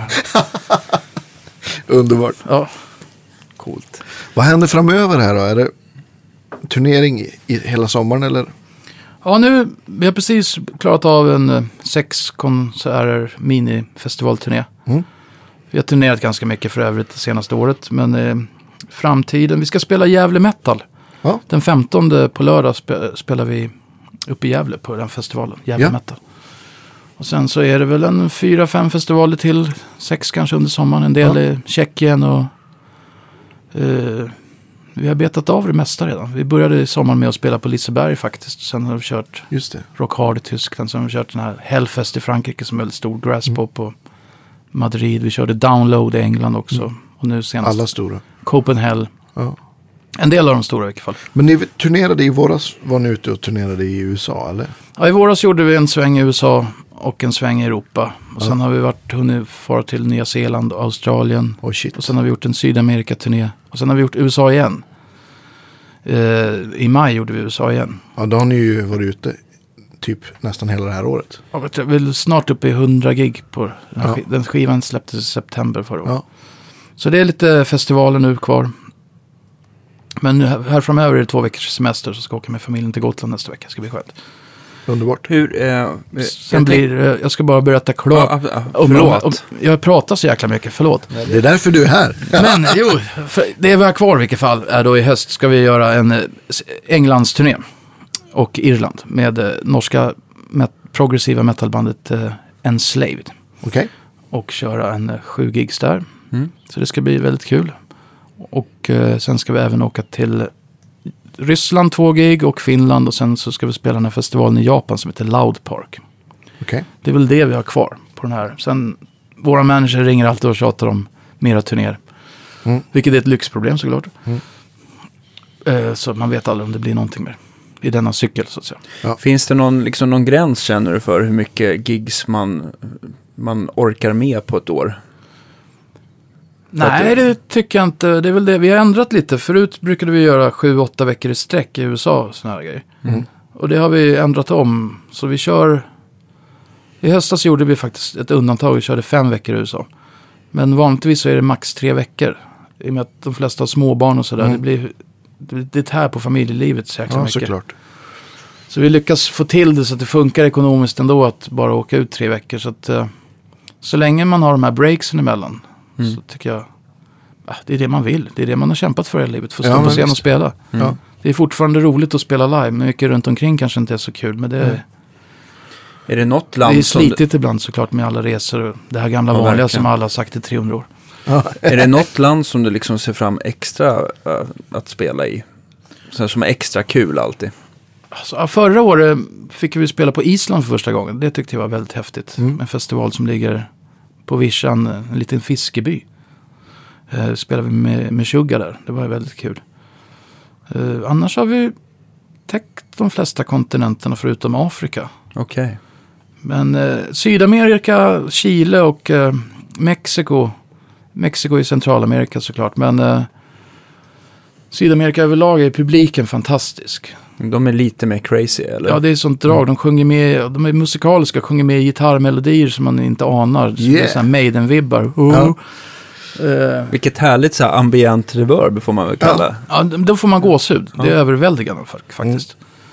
Eh, annars så, jag trivs väldigt bra att turnera i USA. Jag tycker det är kul. Mm. Uh, beror, ja, jag gillar det mesta. Absolut. Det är, Hur det är kul även att spela i Norden tycker jag. Jag trivs att spela i Mm. Ja. norska festivaler. Jag älskar Norge, naturen där och sånt. Det är skönt. Det finns inget bokat här i Stockholm. Nej, vi spelade ju på Annexet i höstas. Just det. Så att, men eh, om man vill se oss i- Sverige detta år så är det ju Det är. Gävle Metal 15 juli som gäller. Mm. Eh, Så vi har inga mera Sverige. Vi spelade ju i Liseberg också i, i början av sommaren. Ja, det. var jät- Ja. jättekul att få spela där. Ja. Det, det kom mycket folk så det var överväldigande, överväldigande trevligt. Ja. Hoppas vi på Grönan till nästa sommar då. Ja, det hoppas jag också på. Jag Det tror att eh, Var inte ni där förra året eller förra, förra? ja, det är nog fyra år sedan vi var Okej, där. Vi har spelat där en gång. Ja. Eh, Men eh, jag hoppas att vi kan få spela där nästa sommar. Mm. Och eh, kanske Sweden Rock förhoppningsvis. Jag tänker då, om ni åker till ja, men, Nya Zeeland eller Australien så kan, flyger du inte med racket kanske. Nej, det har hänt. Ja. ja, det kanske beror på hur, hur mycket jobb det är. Jag brukar ju kanske ta med racket och så får man strunta i topparna så, så har de för, förhoppningsvis att man får hyra in ja. toppar där. Men eh, jag har en flygrigg och då kör jag med Fractal Audio Axifex Ultra 2. Just det. XL kanske den heter. Den senaste i vilket fall. Ja. Så har jag bara ett midi-kontrollbord till den och en eh, TC Electronic eh, Polytune stämapparat. Hur, mycket, Och- hur mycket tänker du på live att du har just den riggen? Känns det, känns det inte närheten lika kul som huvudriggen eller, eller tycker att det gör Jag- jobbet väl? Jag kör den i return på effektloopen på en Marshall och Okej. kabinett. Så du får ändå powerampen och en uppmickad låda. Så jag Okej. linar inte direkt. Så det hjälper ju till lite grann. Men jag föredrar den riktiga riggen. Men jag tycker att de har lyckats väldigt bra ändå. Mm. Fractal. Och eh, jag tycker att det funkar, absolut. Mm. Det, det är helt okej. Har du varit en stor fan av Kemper och sånt där annars? Eller? Jag har en camper faktiskt. Jag har hållit på och labbat lite med den. Jag har den hemma när jag spelar in. Okej. Ibland. Men nu på senare tid har jag köpt en sån här Torpedo Live högtalarsimulator. Ja. Så um, jag har en Olsson Studio 18 Top hemma. Mm. Som eh, han eh, har tweakat gain-karaktären lite på Mm. tillsammans. Som är kanske någonting som vi kan prata om i framtiden. Absolut. Mer. Så den har jag hemma och jag tycker den, varit jättebra den distkaraktären som vi jobbade fram. Och så kör jag den via den här Torpedo Live in i, i ljudkortet. Mm. Och så har jag även en Friedman Pink Taco och en Marshall sån här 5 watts eh, JVM. Just det. Ah. Så jag har några miniförstärkare. Det tycker jag är optimala för hemstudion. Mm. Jag kör hellre på det än campen om jag säger så. Okej. Jag tycker att det nästan håller för att man nästan kan spela in på riktigt hemma. Mm. Den kombinationen. Ja, det låter väldigt bra med Torpedo. Ja, jag fastnade för när jag såg det här klippet med Frank Marino på YouTube när han ja, visade i en band i ett solo. Sololyssnade, jämförde med den uppmickade lådan och den som han hade klonat i torpeden. Och jag Mm. kunde inte höra någon skillnad i vilket fall. Ja. Så det var Coolt. imponerande. Jag, det jag gillar med Torpedon är också att, man, man, att den känns bra att spela på. Ja, Det, det är liksom, ja men det känns som att spela på en, en låda. Man upplever liksom ingen latency eller, eller, eller något konstigheter liksom. hade man verkligen fått till det. där. Det, Ja, är- oh det ja. är grymt. Coolt. Ehm, jag tänkte också på ehm, eh, ditt sätt att eh, förbereda dig inför gig och sånt där. Jag tänker på att det måste ju vara extremt så här, påfrestande för muskler och leder och sånt där. Av att liksom gå från att inte spela alls som man, till att liksom gå in i de här turnéerna. Hur förbereder man sig bäst på bästa sätt? Måste man liksom hårdträna i gymmet eller spelar du fortfarande åtta timmar om dagen och håller igång? Eller hur, hur, hur ser Jag hinner inte spela åtta ut. timmar med små barn. Eller min, jag har en dotter som är tre och ett halvt. Så att, Men eh, jag hinner spela mycket. Mm. Absolut. Jag brukar spela en del på kvällarna och på dagarna. Och eh, går en del på gym. Men jag har fortfarande mycket fläsk som måste bort. Eh, så att, jag brukar förbereda mig för att... Jag, står, jag tycker det är viktigt att gå ner i replokalen och spela. Mm. Såklart med bandet, men även själv. För det är sån stor skillnad på att sitta hemma och spela och sitta ner än att stå och spela genom en riktig förstärkare. Ja. Hur den svarar mot den. Det, det tycker jag är, det är viktigt att bara gå ner och spela själv och stå upp och spela genom en förstärkare. Riktig rörsförstärkare. Mm. Istället för att sitta hemma med ett lättspelt poddljud så att säga. Ja. Det är som dag och natt. Det kan vara många som sitter hemma och gör sina fantastiska shredlicks och sen kommer de ner och st- pluggar in en rörstärkare och säger det bara... Och står upp. Också. Ja, då tar det bara stopp. Liksom. Ja, men det är också sån här klassiker. Och, och, ja, men, och så folk som, ja men, man, det har jag gjort misstaget själv. Att man har suttit ner och övat saker och så tänker jag, det här kan jag som ett rinnande vatten. Så ska man stå upp och stå längst fram på scen och, och försöka se tuff ut och, och spela samma sak så det är inte lika lätt. Nej, det är inte det. Hemma sitter man och pickar.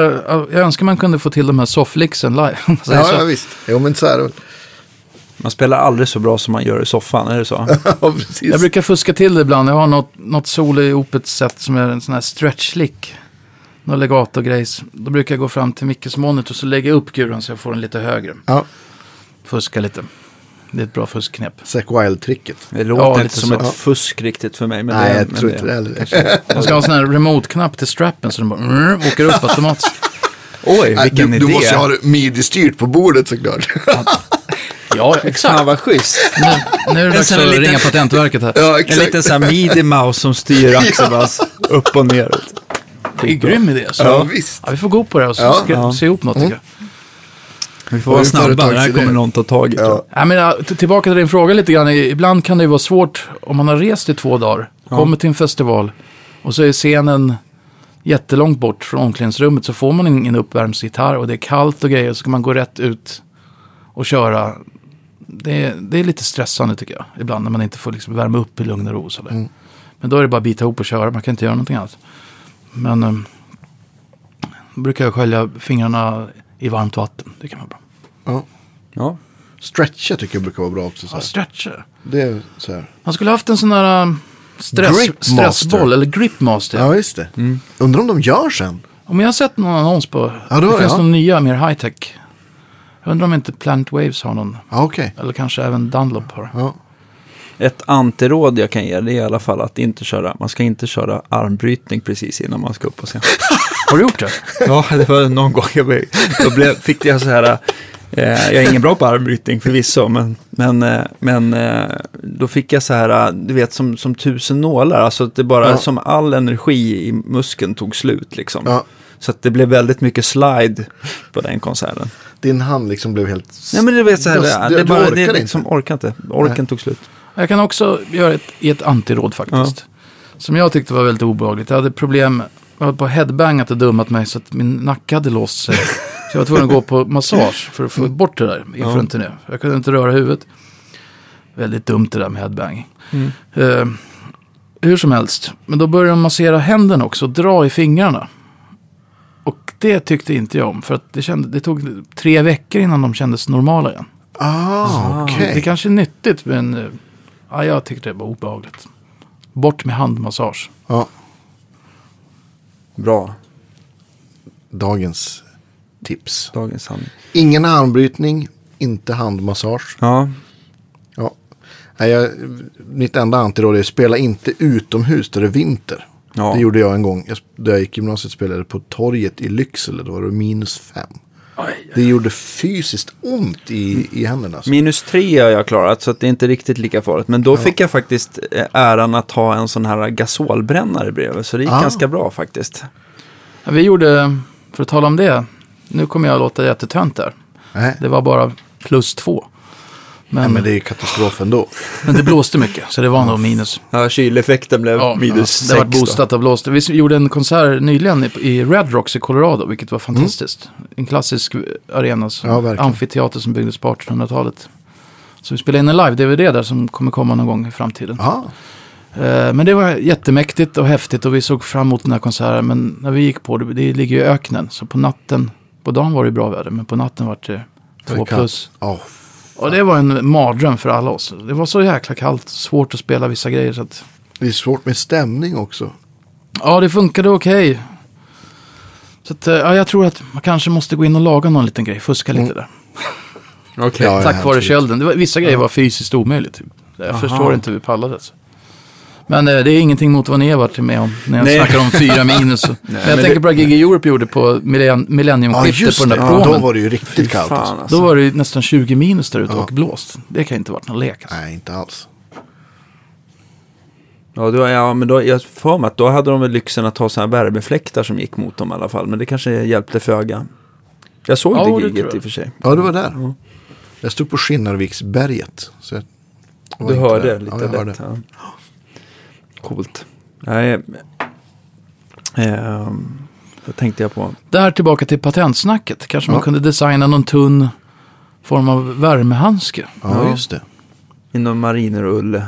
Ja, exakt. Med snacka med NASA om de kan utveckla Ja, någon men form precis. Något som bara inte märks men sitter runt handen och bara värmer upp. Har du Ja. haft några krämpor och sådär? För jag vet att många som efter de har lirat länge eh, kan drabbas av artros eller att de får eh, ja, problem med Ja, jag saker. hade lite tag i vänster pekfinger. Typ eh, 8% avdomnad. Oj. Som, som låg kvar. Ja. 8 bara, det är inte så mycket. Men det, det känns ju ändå. Men sen har jag börjat motionera lite mer efter det och då tycker jag hjälpte till. Mm. Sen var det en som sa till mig att man ska undvika mjölkprodukter. Eller allting från kossan. Ja, Det kan skapa, vad heter det, Aut- artros? Ja. jag tror just det. Så ja, peppar peppar ta i trä. Ska vara ganska så skonad hittills. Ja. Ja, men jag, jag, jag kommer ihåg jag läste en intervju med B.B. King och han sa det. så- Och han fick den frågan. Han bara, nej men, nej men jag spelar varje dag så jag tänker att så länge jag rör på fingrarna så, så rostar de väl inte ihop. Och det tror jag nog ligger en del i det. Att om man, Ja, absolut. att håller, håller man igång liksom händerna och lirar så tror jag att man, Jag tror det är också viktigt att stretcha lite grann. Stretcha lilla bröstmuskeln stora. Göra sådana här grejer. För där ja just det. en god vän till mig, Christian Näppelström från bandet Plankton. Ja, eh, Men en gitarrist. verkligen. Han eh, tränade mig lite i kampsport ett tag, vilket Ja. var ett skämt från min sida. Men han är ju typ eh, väldigt duktig på sånt Okej. också. Och en gitarrhjälte. Bara Ja. det är helt Ja. fantastiskt. Men han rekommenderade att man skulle stretcha då, för att alla nerver från hjärnan går ju via bröstmusklerna. Och, Aha, och stretcha lilla bröstmuskeln och stora. Eh, så när jag, faktum är att när jag började träna med han så lärde han mig mycket om stretching. Så, så de grejerna har jag tagit med mig. Så det, jag tror det kan... Hela kroppen hänger ihop. Så att ja det gör ju det. det kan vara en bra grej att tänka lite på. Det brukar jag göra nu med innan precis innan gig. Stretcha liksom lite grann. Mm. Så. Få igång blodflödet. Ja.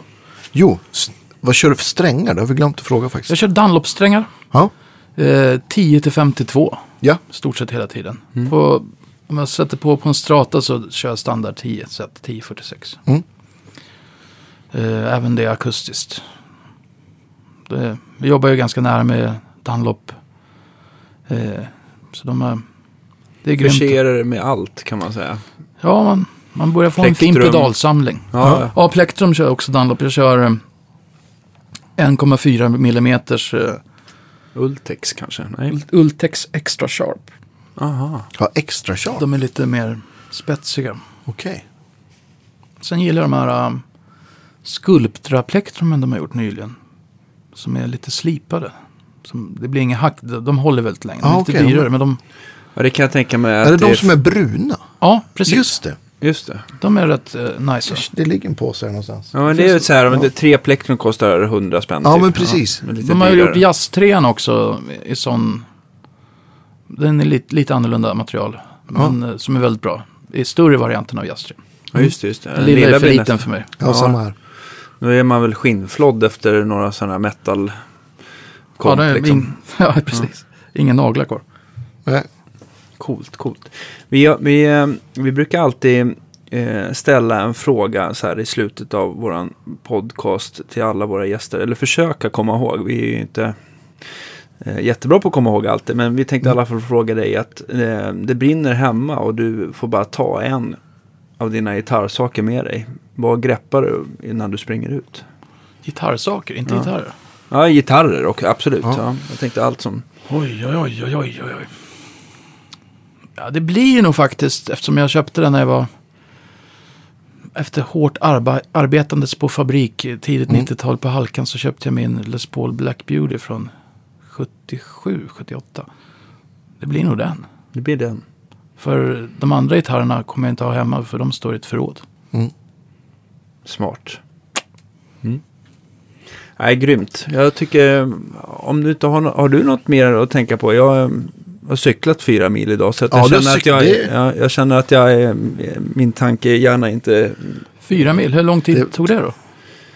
Jag snittade idag i dagens, det var ganska blåsigt också. Ja, det blåser väldigt mycket i morse. Eh, men jag snittade väl på 31,5 om man ska vara jävligt petig. Oj. Oj. Det tror jag vi snittade i bilen på vägen hit typ. Ja, Så det gick ganska fort. Ja. Men, men det var kul. Bra jobbat.